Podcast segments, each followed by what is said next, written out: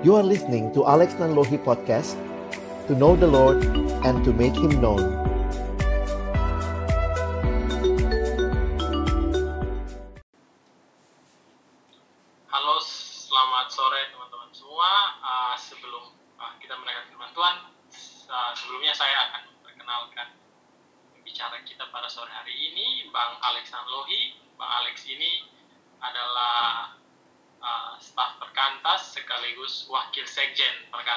Indonesia.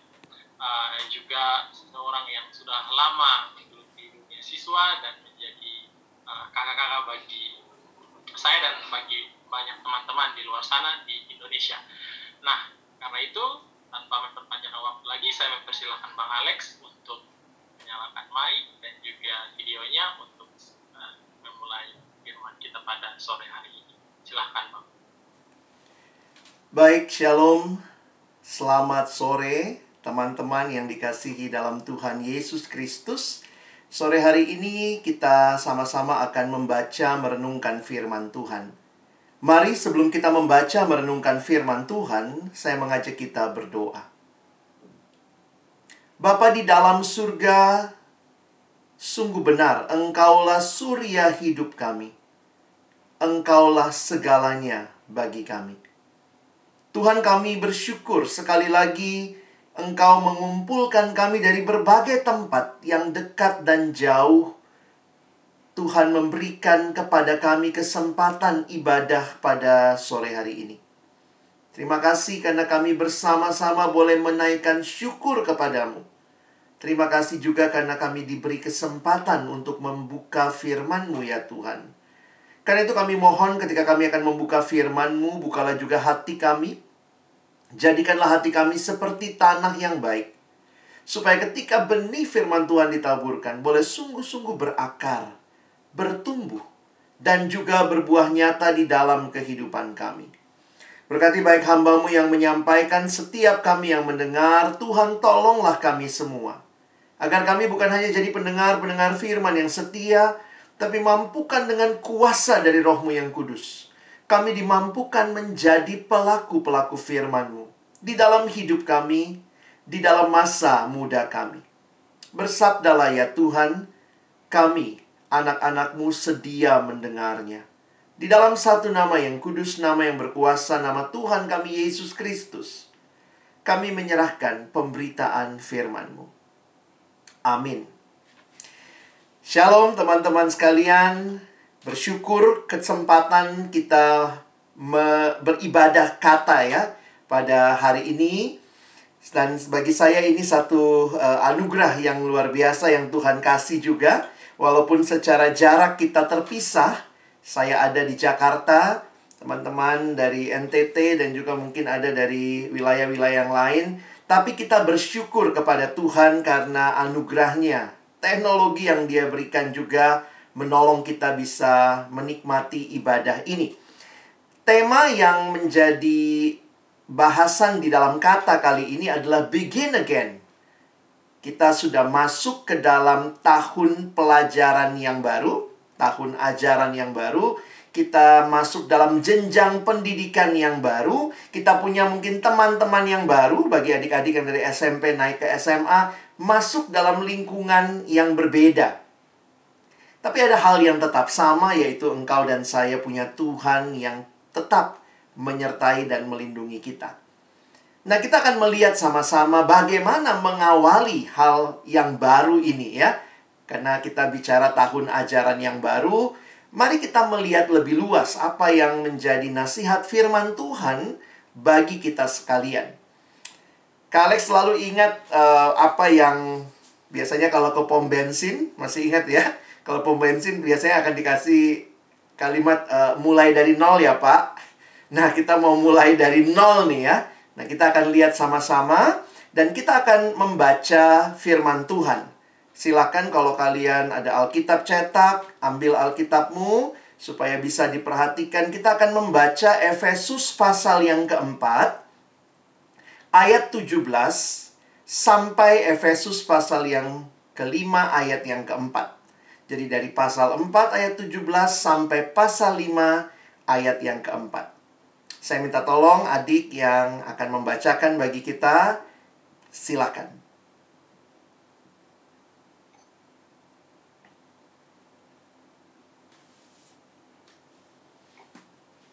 Baik, uh, Efesus 5, eh, 4, ayatnya yang ke-17 sampai pasal 5 ayatnya yang ke-4, dengan perikop manusia baru. Sebab itu, kukatakan dan kutegaskan ini kepadamu di dalam Tuhan. Janganlah hidup lagi sama seperti orang-orang yang tidak mengenal Allah dan dengan pikirannya yang sia-sia dan pengertiannya yang gelap, jauh dari hidup persekutuan dengan Allah karena kebodohan yang ada di dalam mereka dan karena kedegilan hati mereka. Perasaan mereka telah kumpul sehingga mereka menyalahkan diri kepada hawa nafsu dan mengerjakan dengan serakah segala macam kecemaran. Tetapi kamu bukan demikian. Kamu telah belajar mengenal Kristus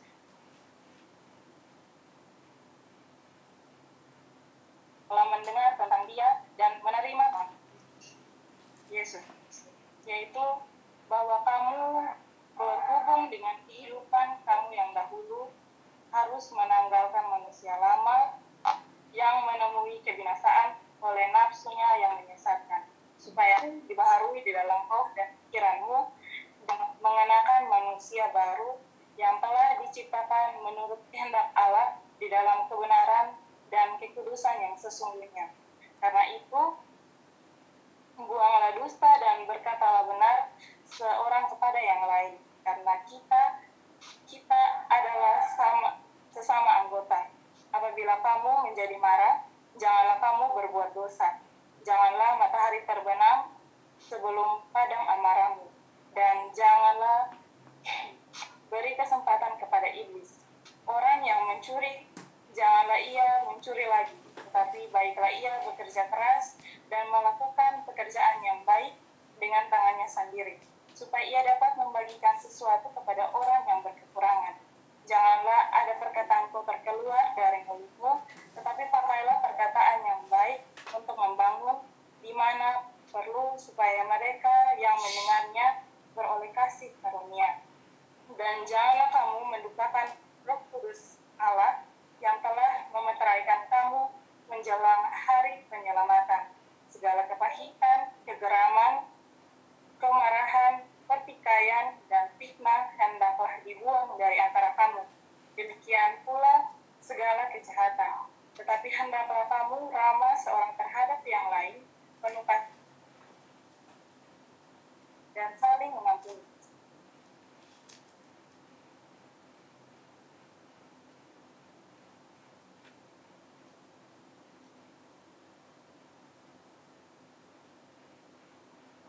seperti anak-anak kasih dan hiduplah di dalam kasih.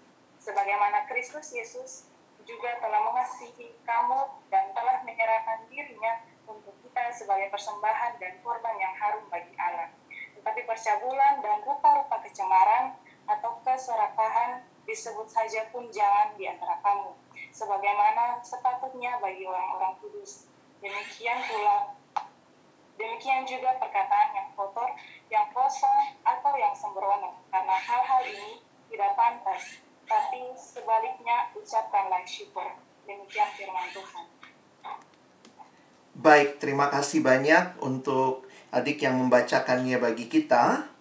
Nah, teman-teman yang dikasihi Tuhan, saya ingin kita sama-sama melihat apa yang menjadi tema pada hari ini dari perspektif Efesus pasal yang keempat, ayat yang ke-17 sampai pasal yang kelima ayat yang keempat ini. Nah, teman-teman, kita bisa melihat bagaimana dalam bagian ini Paulus berbicara tentang kehidupan yang baru. Judul yang diberikan LAI adalah manusia baru. Ada hal yang menarik tentang manusia baru ini karena kita melihat bagaimana kehadiran Kristus di dalam kehidupan seorang itu membawa perubahan. 2 Korintus 5 ayat 17 mengatakan jadi siapa yang ada di dalam Kristus ia adalah ciptaan baru. Yang lama sudah berlalu, sesungguhnya yang baru sudah datang.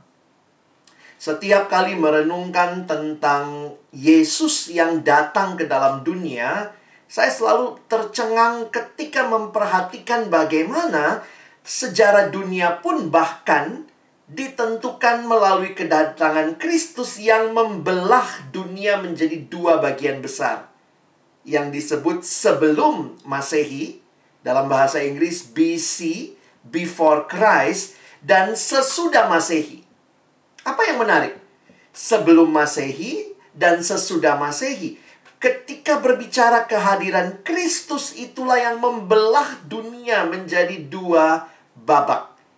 Tadinya sebelum Kristus, lalu kemudian sesudah Kristus atau biasa dalam bahasa Latin disebut AD, Anno Domini, tahun Tuhan kita. Jadi, siapa Yesus ini? yang kehadirannya membelah dunia menjadi dua bagian besar. Tetapi lebih jauh lagi kehadiran Kristus dalam diri kita secara pribadi juga membawa pembaharuan di mana ada hidup yang tadinya hidup lama dalam dosa, sekarang ada hidup yang baru. Ciptaan yang baru. Kehadiran Kristus biarlah tidak hanya membelah dunia menjadi dua babak besar, tetapi hidup saudara dan saya juga benar-benar mengalami pembaharuan, bukan lagi yang lama, tapi yang baru. Nah, di dalam 1 Yohanes pasal yang kedua, ayat yang keenam, barang siapa mengatakan bahwa ia ada di dalam dia, berarti di dalam Yesus, ia wajib hidup sama seperti Kristus telah hidup. Teman-teman, ini ayat yang menantang saya. Pertama, waktu saya masih SMA, kira-kira saya dapat ayat ini, saya mengerti ayat ini bahwa Tuhan tidak hanya mau kita hidup tanda kutip ya, seperti kakak rohani kita, seperti orang tua kita, seperti pendeta kita, mungkin seperti guru kita, tetapi lebih dalam lagi yang mengatakan dia ada di dalam Kristus, wajib hidup sama seperti Kristus hidup. Apa artinya? Berarti standarnya manusia bisa gagal. Kadang-kadang orang yang kita kagumi, kakak rohani kita, mungkin orang tua kita, guru kita, pendeta kita, manusia bisa gagal. Tapi mari lihat kepada Kristus. Benar-benar kehadirannya memberikan kita permulaan yang baru. Mulai dari nol ya kita mulai sama-sama melihat. Masuk tahap yang baru di studi teman-teman di tahun ajaran yang baru. Mari kita memohon agar benar-benar kita mengalami pembaharuan yang total. Terima kasih tadi adik yang menjadi MC tadi sudah bicara bagaimana dia mengenal Tuhan. Ada kesaksian bicara juga tentang bagaimana kelompok-kelompok KTB itu membaharui, menolong kita dalam hidup yang baru. Nah, saya ingin mengajak kita memperhatikan bahwa perjuangan hidup menjadi terus-menerus makin serupa dengan Kristus itu adalah perjalanan seumur hidup yang Tuhan berikan kepada kita. Karena itu, bagian yang hari ini kita akan renungkan akan menolong kita melihat ya, melihat lebih jauh lagi. Kalimat yang bagi saya berkesan karena ayatnya cukup panjang, teman-teman adalah yang dituliskan di dalam Efesus 4 ini adalah masalah menanggalkan dan mengenakan. Nah, ini menarik ya.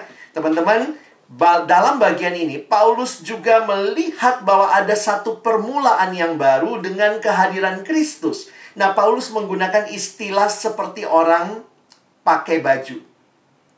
Jadi bukan meninggalkan ya, teman-teman bisa perhatikan kata yang dipakai menanggalkan. Tapi bukan hanya menanggalkan, juga seperti mengenakan ada baju yang baru.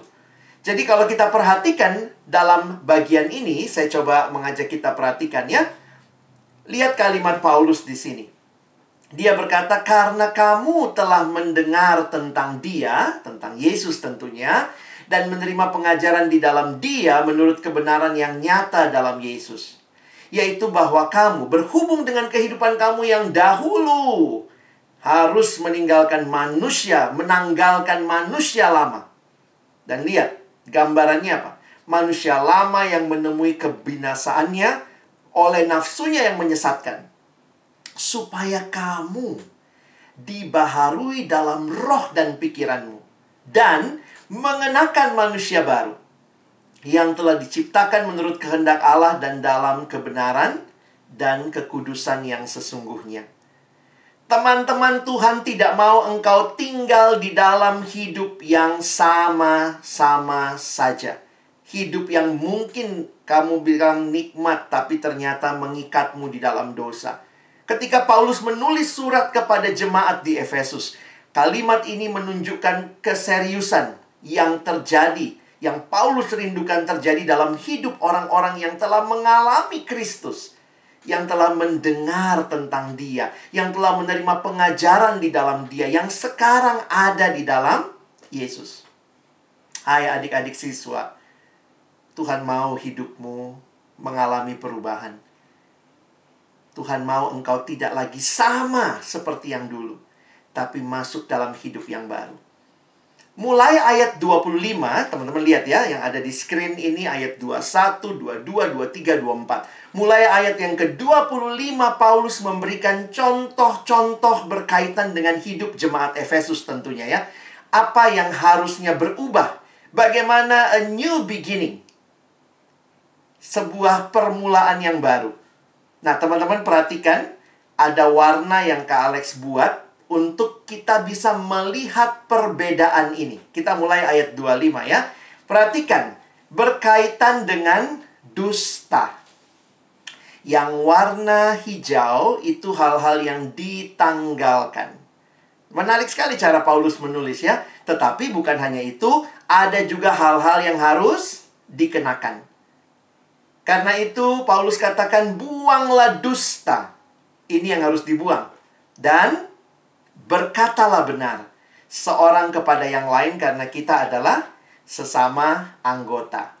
Ayo buat teman-temanku, adik-adikku yang masih nikmati hidup di dalam kebohongan, suka bohongi papa, mama, bohongi teman, belajar berkata benar. Buang dusta. Ini yang harus ditanggalkan. Teman-teman, waktu saya perhatikan ya, Paulus tuh serius nih. Karena dia mengatakan juga bagaimana ada saudara-saudara seiman yang kita ini sesama anggota. Jadi saya pikir juga uh, kita harus membuktikan keseriusan perubahan kita. Ada yang ditanggalkan, ada yang dikenakan. Berikutnya, Paulus berbicara tentang marah. Ya.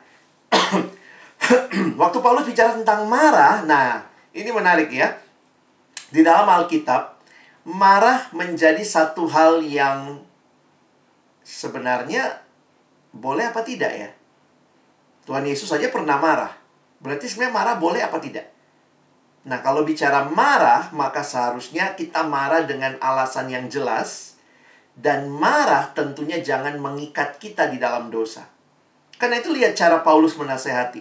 Apabila kamu menjadi marah, berarti marah boleh? Boleh kalau kamu jadi marah, jangan kamu berbuat dosa. Jadi ternyata ada marah yang tidak berdosa. Marah karena memang harus marah. Apa yang Paulus nasihatkan? Janganlah matahari terbenam sebelum padam amarahmu. Jangan beri kesempatan kepada iblis. Jadi sebenarnya Paulus mau mengatakan kalau kita memang tidak tertulis eksplisit di ayatnya, yang harus dikenakan adalah selesaikan marahnya.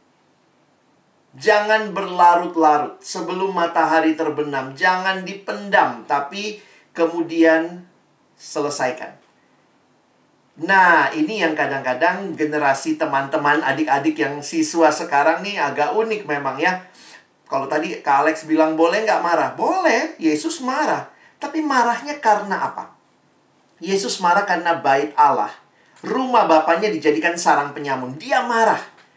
Dan saya pikir itu marah yang benar. Marah yang kudus. Marah karena memang tidak terjadi seharusnya. Coba.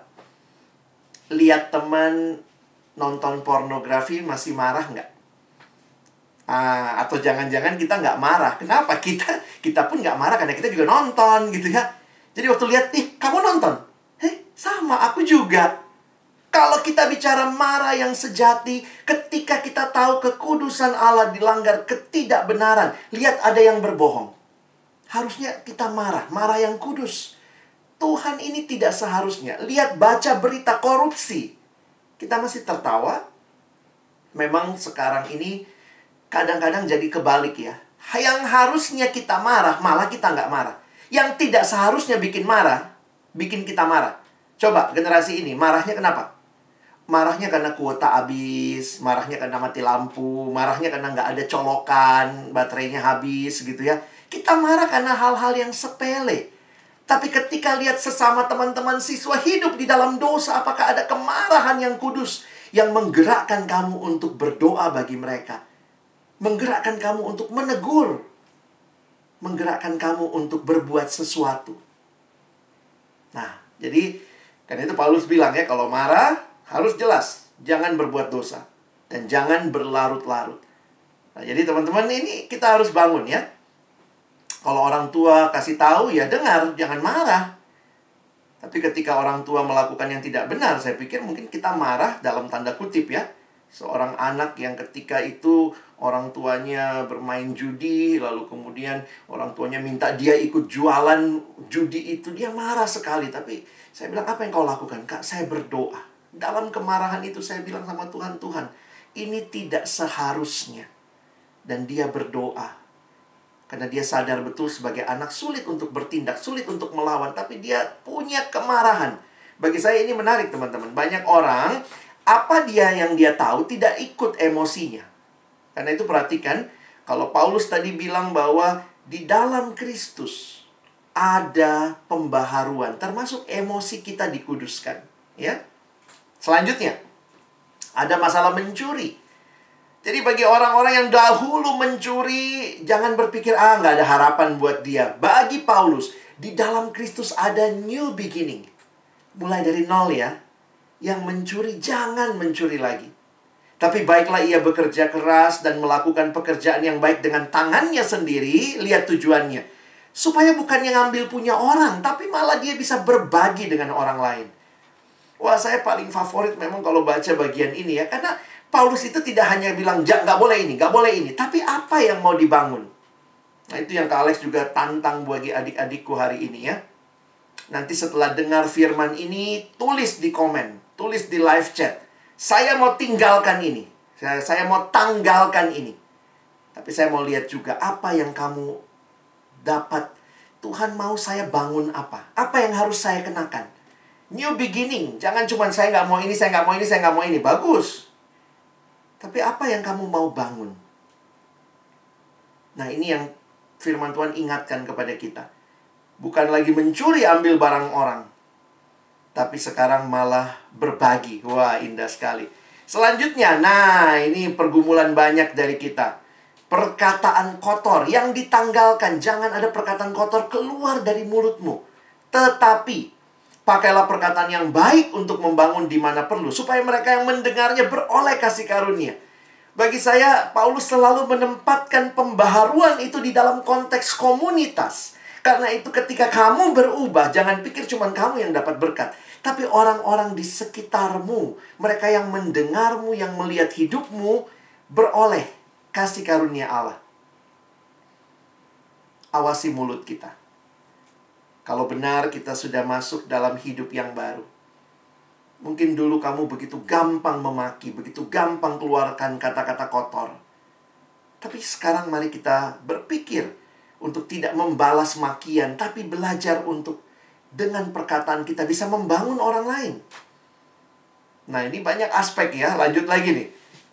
Nah, emosi yang negatif ini semua yang harus ditanggalkan. Teman-teman, ini pergumulan banyak orang kepahitan, kegeraman, kemarahan, pertikaian, fitnah.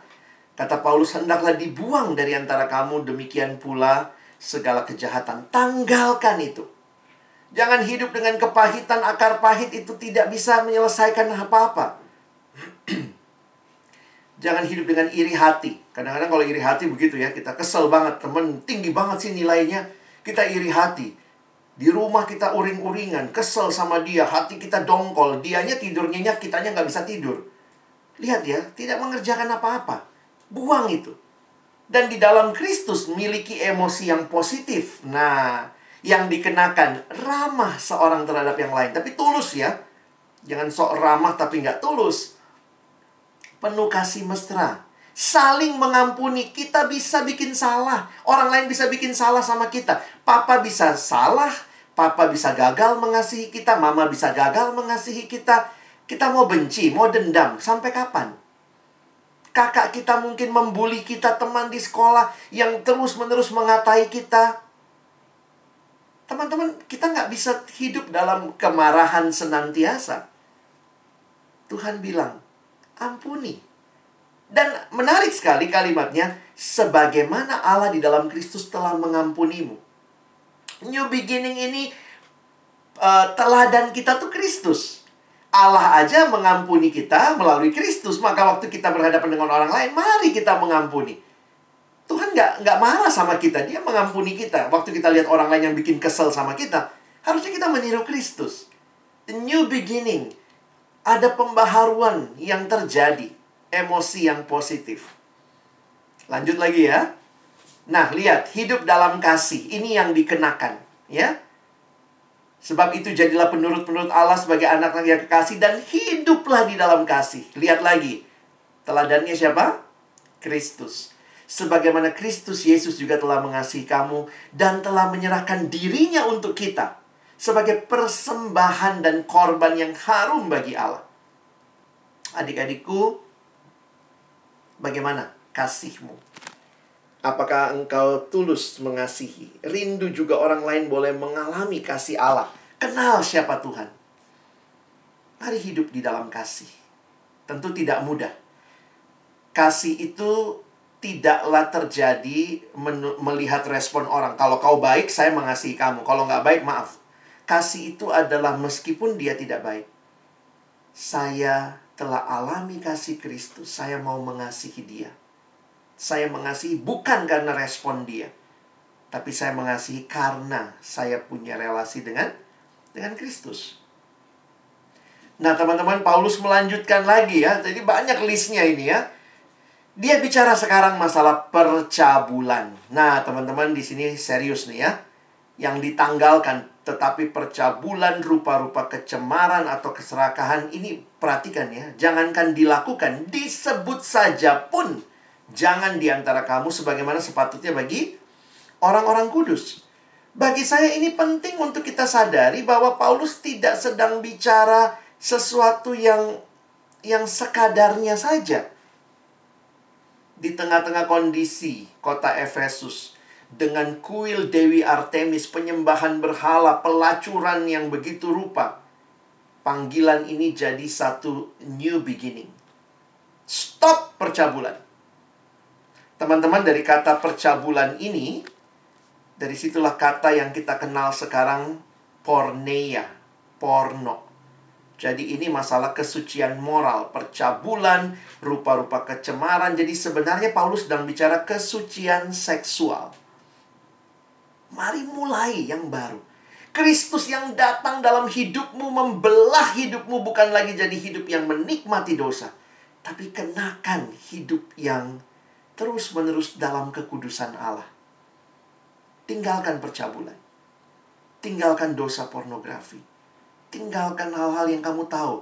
Film-film, drama-drama yang kamu rasa, oh kayaknya ini indah. Tapi ternyata itu membuat kamu jadi berpikir cabul dengan usiamu yang belum seharusnya memikirkan hal-hal yang berkaitan dengan hubungan pria dan wanita, suami istri yang bukan itu bagianmu. Tuhan yang memberikan nafsu. Nafsu asalnya dari Tuhan, tapi Tuhan kasih nafsu di dalam konteks suami dan istri ya nafsu dinikmati dalam hubungan suami istri. Seks Tuhan yang ciptakan. Jangan salah ya, yang Alkitab bilang nggak boleh itu hawa nafsu. Tapi nafsu itu Tuhan yang ciptakan, Tuhan yang kasih. Jadi kita bersyukur kalau Tuhan memberikan nafsu, kita butuh nafsu makan. Bayangkan kamu lihat makanan, makanan lihat kamu, terus kalian lihat-lihatan gitu ya. Kita butuh nafsu makan. Tapi jangan kemudian menjadi hawa nafsu makan dengan rakus dan berlebihan. Demikian juga, kita punya nafsu seksual. Itu keanugerah Tuhan. Tapi pakailah di dalam konteksnya, jangan menjadikan itu hawa nafsu. Seolah-olah apa yang kita suka, apa yang kita mau, bahkan kita melihat hal-hal yang tidak pantas. Dan itu Paulus serius. Bagi jemaat Efesus yang dekat sekali dengan percabulan, dia katakan, itu semua disebut saja jangan. Dilanjutkan lagi, kalau kalian lihat tentang perkataan yang salah. Jadi memang Paulus lumayan serius dengan perkataan. Tadi perkataan yang kotor ya, sekarang diulang lagi. Demikian juga perkataan yang kotor atau yang kosong atau yang sembrono. Nanti kalian cek bahasa aslinya dalam bahasa Inggris terlihat menarik ya. Karena istilah ini salah satunya digunakan istilah coarse joke. Maksudnya apa? Bahasa Inggris menggunakan istilah coarse joke adalah lelucon-lelucon porno, lelucon-lelucon yang tidak sepantasnya, joke-joke yang tidak sepantasnya. Ini joke yang kasar, yang tidak berisi. Wah, Alkitab ternyata serius juga ya sampai lelucon pun mesti belajar. Alkitab tidak menolak humor, tapi jangan kemudian membuat hal-hal yang kudus misalnya seksual hubungan seksual suami dan istri yang kudus dalam ruang publik eh, ruang-ruang privat dijadikan lelucon publik. Dan ini bagi bagi Paulus tidak seharusnya seperti itu. Bagaimana kita menggunakan mulut kita? Ucapkanlah syukur orang yang bersyukur berarti dia mengingat Tuhan yang adalah sumber segala-galanya Nah, jadi kalau kalian mau lanjutkan lagi sebenarnya masih panjang ya sampai akhir pasal yang kelima itu kelihatan pembaharuan terjadi bahkan juga di dalam rumah tangga. Anak dengan orang tua, orang tua dengan anak, sebelumnya suami dengan istri. Dan bagi saya Paulus serius sekali melihat ada pembaharuan, a new beginning yang akan terjadi ketika orang mengenal Kristus. Nah, teman-teman, bagaimana kita mengalami hal ini ya? Saya suka berpikir, iya ya, indah sekali yang saya gambarkan ini, tapi bagaimana kita meresponinya? Sebagaimana tadi teman-teman melihat hanya karena Kristus yang hadir itu membelah dunia jadi dua bagian besar, maka saya harus katakan untuk mengalami semua ini. Hidup yang baru yang dimulai dengan hidup yang tidak lagi menikmati dosa, Teman-teman buka hatimu terima Yesus. Buka hatimu terima Yesus. Mungkin kamu katakan saya dari kecil Kristen kak, papa mama Kristen, majelis di gereja, pimpin paduan suara. Saya juga dari keluarga Kristen. Tapi secara pribadi saya kenal Yesus di saat saya kelas 1 SMA. Saya merasa saya sudah Kristen. Saya sudah tahu banyak hal. Tapi ternyata saya belum pernah sungguh-sungguh buka hati saya menerima Yesus dalam hidup saya. Saya hanya lahir dalam keluarga Kristen. Kekristenan saya adalah karena keturunan. Saya Kristen KTP. Kristen tanpa pertobatan. Kristen tanpa perubahan. Kelas 1 SMA. Kelas 10. Tahun 90-an. Satu malam dalam satu KKR, Tuhan buka hati saya untuk melihat kepada Dia, melihat betapa saya yang selama ini ternyata sangat menikmati dosa. Malam itu, dalam tantangan yang diberikan, saya datang dan saya buka hati. Saya terima Yesus pertama kali dalam hidup saya. Saya kenal Dia, saya tahu Dia, tapi saya tidak mengalami kehadirannya yang mengubahkan hidup. Malam itu, Tuhan buka hati saya, dan saya mengerti apa artinya menerima Yesus? Ada dua hal yang saya ingat. Menerima Yesus berarti yang pertama, percaya kepada Yesus sungguh-sungguh sebagai satu-satunya Tuhan dan Juru Selamat secara pribadi. Teman-teman, banyak orang bilang dia Kristen, dari kecil Kristen, sudah ke gereja, KTP-nya Kristen, kartu pelajarnya Kristen. Tapi percayanya masih sama, sama kuasa gelap masih percaya, sama jimat-jimat masih percaya, keselamatannya nggak yakin, kadang-kadang ketakutan, aduh Tuhan bagaimana ini dan itu, masih nikmati hidup yang nggak benar. Buka hatimu terima Yesus. Jangan hidup dalam kekristenan tradisi. Yang kedua, bertobat. Jadi terima Yesus itu ada aspek percaya kepada Kristus, tapi juga yang kita baru bahas tadi, ada hal-hal yang harus ditanggalkan, ada hal yang dikenakan dan kita diberikan kemampuan karena Roh Kudus diam dalam kita. Roh Kudus memampukan kita mengalami hidup yang diubahkan. Sehingga kita bisa punya komitmen untuk berubah. Jadi perubahan itu buat kita yang sudah percaya dalam Kristus bukan anjuran. Ya, mudah-mudahan ayolah tolonglah berubah. Bukan, itu adalah satu keharusan. Apa yang harus dibuang? Ya dosa, kebiasaan buruk, nyontek, bolos, malas, pikiran kotor, perkataan kotor, gosip, pornografi, free sex, mungkin melawan guru, orang tua, dendam, iri hati, akar pahit. Kak Alex tidak tahu persis pergumulanmu satu-satu. Tapi untuk kau dengar ini, dengarkan Tuhan memintamu untuk tinggalkan, tanggalkan, dan masuklah dalam hidup yang baru. Apa yang Tuhan mau engkau bangun?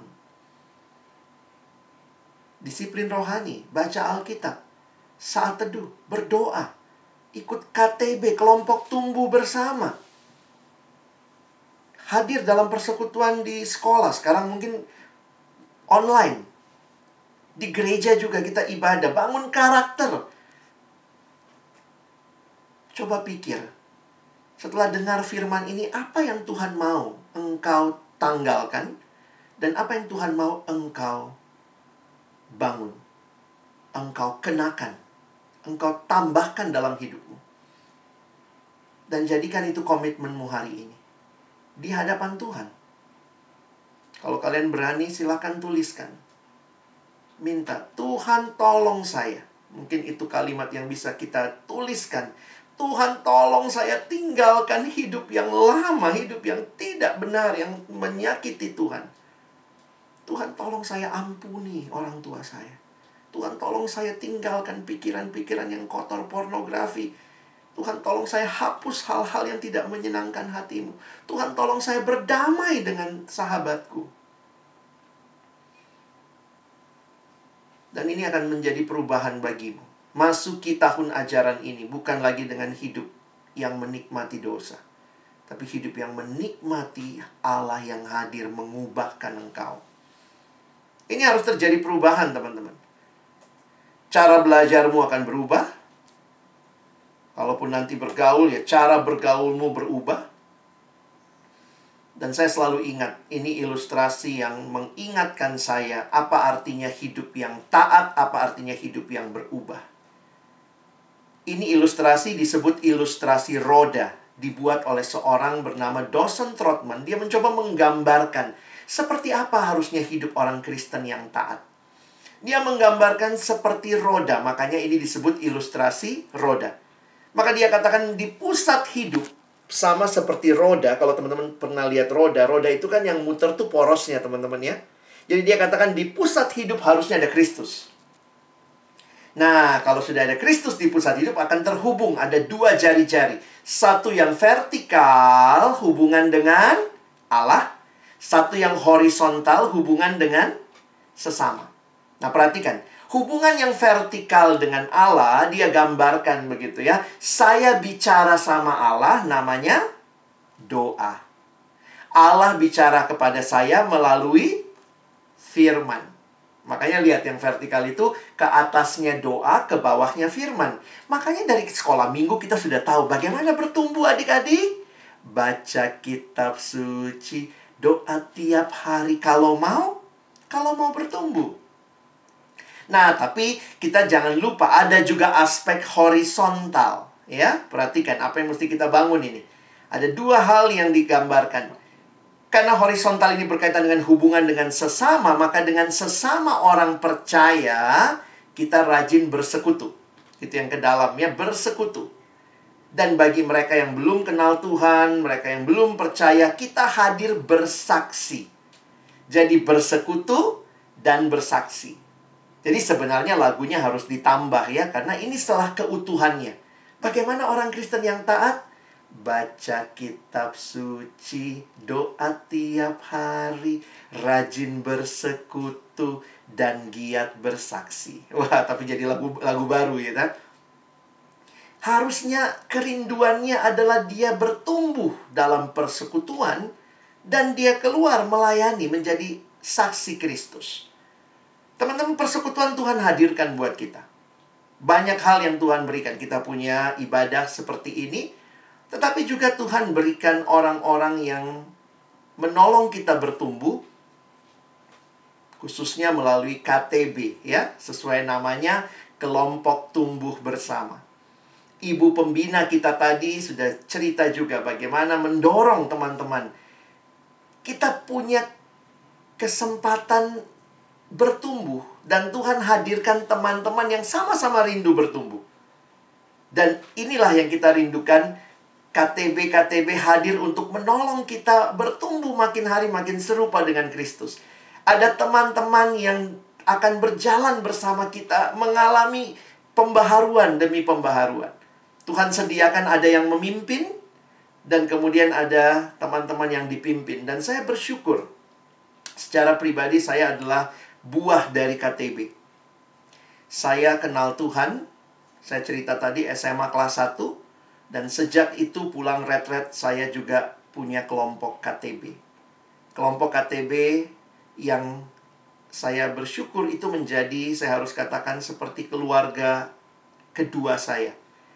Karena Tuhan memberikan saudara-saudara seiman yang berjalan bersama sejak saya SMA kelas 1. Dan kami waktu SMA sangat dekat bertumbuh bersama dan mengalami pembaharuan hidup yang luar biasa. Dan hal yang kami nikmati sebenarnya adalah sampai hari ini kami tetap bersahabat. Sampai hari ini kami merasa sebagai satu keluarga. Bahkan di tengah-tengah pandemi ini kami pun masih uh, KTB ya. Jadi banyak banyak yang jadi memorinya sekarang malah jadi lebih senang gitu, lebih sering lagi dua minggu sekali kita KTB bersama. Apa ya, melihat bahwa ini keluarga yang Tuhan berikan bukan cuma sementara sebenarnya, tapi Tuhan berikan untuk menolong kita bertumbuh, saling mendoakan. Ada teman kami yang sakit, kami doakan. Ada yang kehilangan orang tuanya, saling mendoakan, saling menghibur. Tapi lebih jauh lagi adalah kita benar-benar mempraktekkan apa artinya mengasihi Tuhan dan mengasihi sesama seperti yang Yesus perintahkan. Dan ketika itulah saya juga bersyukur Tuhan kasih kesempatan saya membimbing. Saya kuliah, saya dari Makassar, saya nikmati SMA di Makassar, saya punya kelompok kecil di Makassar. Ketika saya pergi kuliah ke Jakarta, ke Depok, lalu Tuhan berikan saya juga komunitas di kampus di mana saya terlibat. Tuhan berikan KTB yang membuat saya terus bertumbuh. Sampai satu waktu saya ingat lagi pelayanan siswa ya, karena saya adalah orang yang dimenangkan melalui pelayanan siswa, maka saya kembali melayani siswa. Pada tahun 2002, saya memimpin satu KTB di SMA 1 Depok. Uh, teman-teman bisa lihat lah ya, saya yang nggak pakai baju SMA ya, karena saya sudah uh, sudah bekerja waktu itu. Tapi beban dan kerinduan uh, Tuhan berikan uh, enam sahabat ini jadi sahabat yang bertumbuh bersama dengan saya dan saya mendampingi mereka sejak mereka kelas 2 SMA. KTB kami, KTB yang uh, ya dulu anak siswa gitu ya dengan dengan apa ya dinamikanya. Saya jadi ikutan jadi siswa waktu itu ya. Ini foto-foto lama kami. Sampai akhirnya uh, kelas 3 SMA kami ikut camp pengutusan ya. Ada camp pengutusan. Jadi lihatlah perubahan hidupnya perubahan dirinya ya. Tapi sebenarnya yang kami syukuri adalah memang perubahan hidup yang Tuhan berikan. Dan mereka kuliah uh, kami tetap kontak karena waktu itu saya harus studi ke luar negeri. Jadi uh, ketika itu jadi kesempatan juga waktu bertemu kembali setelah saya pulang studi. Nah ini semua makin membesar ya bentuknya ya. Dan sekarang sebagian besar sudah menikah. Jadi uh, sekarang sudah berubah lagi. Bukan lagi kelompok kecil yang masih yang kecil anggotanya cuma segini gitu ya tapi akhirnya uh, kami menjadi keluarga besar ya sehingga sekarang ganti nama ya sekarang jadi keluarga Unity namanya Nah, ini sudah pada beranak pinak begitu ya. Dan ini Natal uh, dua atau tiga tahun yang lalu. Kami masih kumpul sampai hari ini. Terus bertumbuh bersama. Uh, kalau tidak pandemi sebenarnya kami setiap bulan ya. Sekarang bentuknya dibikin tanda kutip arisan dan kebaktian. Jadi tiap bulan ada alasan untuk kumpul bersama. Dan juga karena sudah punya anak semua, kadang-kadang nabung duit. Eh, lalu kemudian waktu itu kami liburan bersama ya. Sampai bikin baju, baju kelompok begitu. Saya cuma ingin katakan ke teman-teman bahwa indah, indah yang Tuhan berikan sahabat-sahabat yang bertumbuh bersama. Dan di masa pandemi ini ya beberapa kali kami juga uh, ibadah bersama begitu ya. Secara virtual begitu. Dan uh, kemudian kita bernyanyi dan kita berdoa bersama. Teman-teman awal yang baru Tuhan berikan dan Tuhan berikan juga keindahan menjalaninya. Pertanyaannya maukah kita terlibat di dalam rencana indah Allah yang membaharui membentuk kita. New beginning, kiranya awal yang baru menolong teman-teman untuk hidup benar-benar dibaharui di dalam Kristus. Amin. Ya, baik. Uh, Shalom teman-teman. Oke. Okay. Oke. Uh, baik Bang Alex, terima kasih untuk firmanya yang uh, menguatkan dan pastinya sangat meneguhkan adik-adik yang mengikuti ibadah. Uh, ada cukup banyak yang ikut sekarang ini di stream ada 197 yang yeah. mengikuti lewat YouTube. Uh, saya ingin bertanya sedikit Pak, maksudnya untuk membuat uh, pesan firman Tuhan jadi lebih uh, mendarat ke teman-teman. Uh, uh, mengenai mem membuka hati kepada Tuhan terus mengenakan kehidupan yang baru tadi Bang Alex sudah sampaikan. Ada banyak hal-hal yang harus ditinggalkan dan hal-hal yang harus dikenakan. Nah uh, permasalahannya tuh gini bang. Uh, biasanya kalau kita mau meninggalkan dan mau mengenakan yang baru tuh biasanya mengenakannya tidak lama bang. Satu dua hari masih semangat habis ini masih uh, masih oh masih setia ikut Tuhan lama-lama satu minggu mulai entah itu bosan atau jenuh namanya bang hmm. tapi akhirnya kembali lagi menggunakan gaya hidup yang lama nah uh, abang itu kira-kira gimana bang biar kita bisa konsisten yeah.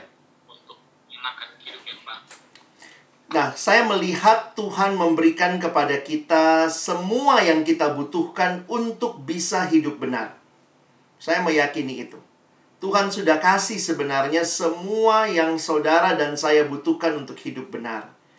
Yang pertama, saya lihat ada tiga hal ya. Yang pertama, Tuhan sudah memberikan rohnya yang kudus. Jadi roh kudus adalah sebenarnya pribadi Allah sendiri yang diam di hati setiap kita yang percaya.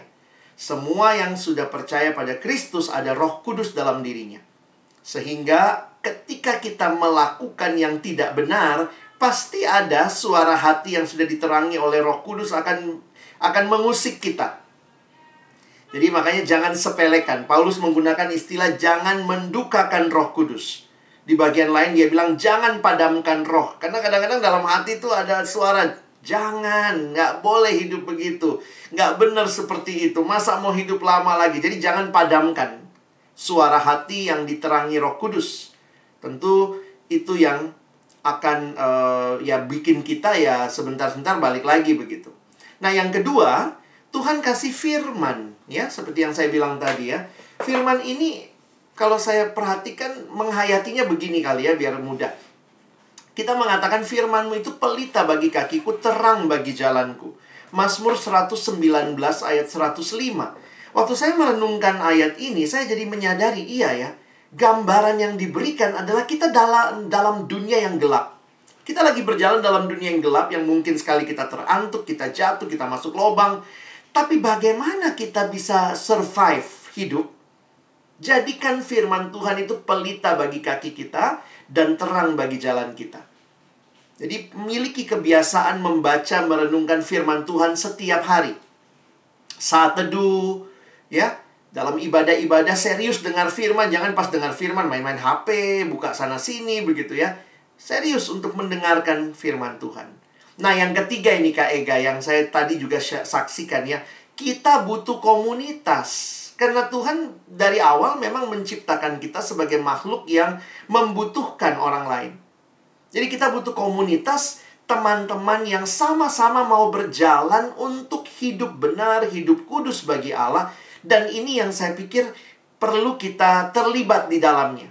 Nah, saya pikir ini yang kita juga dalam pelayanan di pelayanan uh, kita sangat mengutamakan bagaimana bukan hanya acara-acara besar, tetapi ada kelompok-kelompok yang kecil yang di dalamnya kita bertumbuh bersama atau seperti yang kita sebut KTB itu. Nah, saya pikir itu Kak Ega yang harusnya kita manfaatkan karena kan Tuhan sudah kasih nih supaya kita bisa terus tidak tidak hari ini berapi-api, besok padam. Tapi waktu kita mungkin merasa padam, kita ketemu teman yang masih berapi-api. Wah, ketemu lagi jadi disemangati lagi. Dan saya ngalami itu bersama dengan teman-teman yang saya bimbing dari SMA 1 Depok tadi. Oke, baik Pak. Terima kasih. Uh, uh, saya rasa itu cukup untuk bisa membuat segala sesuatunya jadi lebih jelas. Ada peran roh kudus, kita percaya akan peran Roh Kudus yang suaranya makin kuat kalau kita punya hubungan yang terus intim dengan Tuhan, terus uh, memanfaatkan komunitas ya. Uh, yeah. Orang-orang di sekeliling yang bisa saling menguatkan. Uh, uh, terima kasih, Bang. Uh, uh, saya tidak bertanya lagi. Uh, sebelum Abang doa tutup, uh, saya ingin menginformasikan kepada teman-teman mungkin yang uh, dari tadi dengar tentang yang namanya KTB tapi masih bingung ini mau uh, misalnya mau untuk ikut KTB untuk bisa punya kawan komunitas yang bisa bertumbuh dari masih kurus-kurus sampai mengembang-mengembang.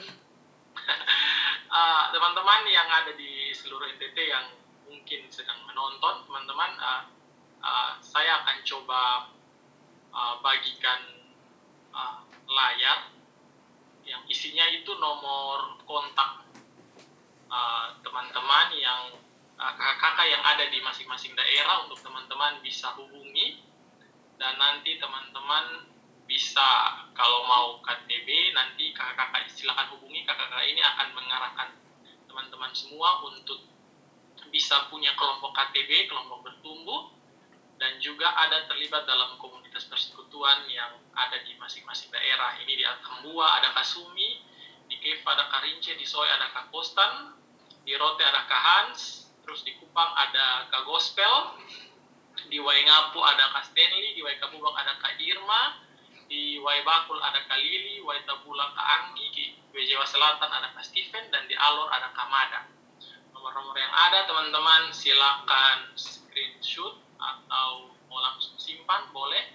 Saya beri waktu kurang lebih 5 detik teman bisa screenshot nomor yang ada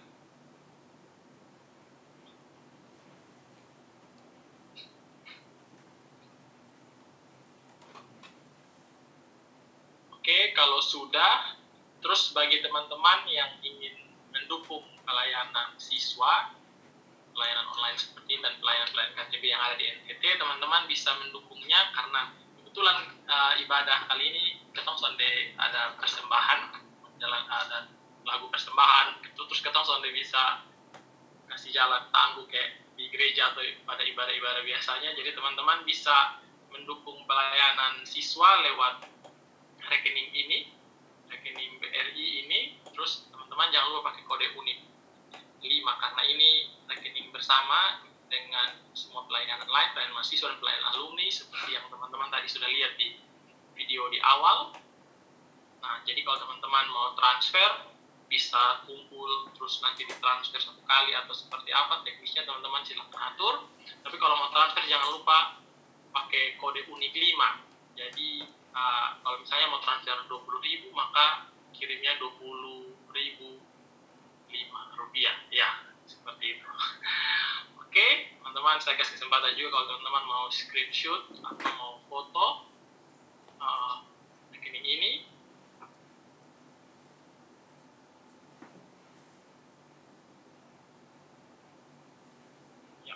Baik, uh, kita telah sampai di penghujung acara dan uh, sebelum menutup akan seluruh rangkaian uh, ibadah online kita pada sore hari ini, minta kesediaan Bang Alex kita dalam syafaat sekaligus untuk ibadah dan doa.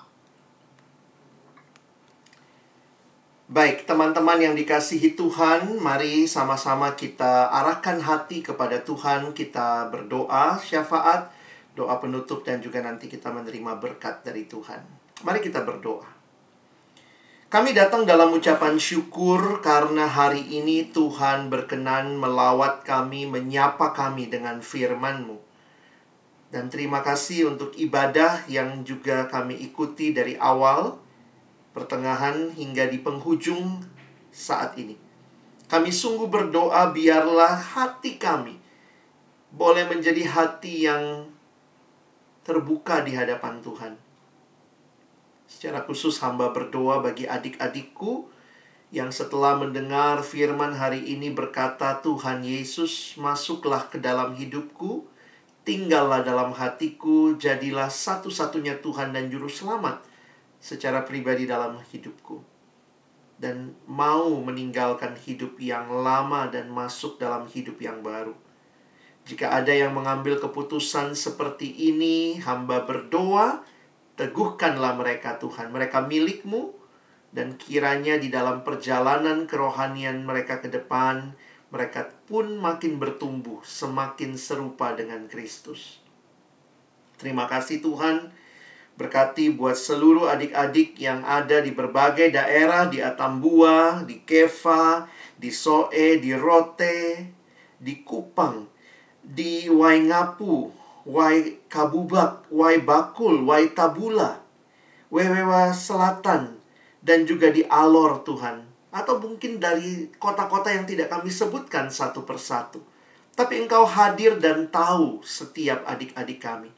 Biarlah mereka yang sudah mendengar firman meresponi dengan permulaan yang baru, bukan lagi hidup yang lama. Teguhkan mereka. Dan terima kasih untuk kehadiran KTB. KTB ada kakak-kakak yang rindu membimbing kami untuk boleh hidup di dalam Tuhan. Kami sungguh berdoa kiranya kesempatan ini kami boleh maksimalkan dengan baik untuk kami terus bertumbuh dan makin mengenal Tuhan di dalam hidup kami. Berkati adik-adik yang sudah terlibat juga di dalam KTB mungkin kelas uh, 11 dan 12 dalam rencana masa depan studi mereka pun Tuhan yang terus berkati. Dan bagi adik-adik baru yang kelas 10 teruslah Tuhan juga berkati mereka dalam adaptasi belajar di SMA mereka benar-benar bisa belajar memberi yang terbaik kepada Tuhan, sekalipun situasi belajar yang masih harus online. Terima kasih, berkati terus persekutuan siswa Kristen di berbagai sekolah, di berbagai daerah, di berbagai kota, biarlah melalui kebersamaan kami yang mau hidup bagi Tuhan. NTT penuh kemuliaan Tuhan. Dan ada siswa-siswi yang sungguh-sungguh rindu hidupnya bagi Allah. Terima kasih Tuhan, dan kami tiba di penghujung dari acara kami. Kami semua mengarahkan hati kami kepada Tuhan, dan kami mau menerima berkat yang daripadamu. Adik-adikku yang dikasihi dalam Tuhan Yesus Kristus, arahkanlah hatimu kepada Tuhan dan terimalah berkatnya.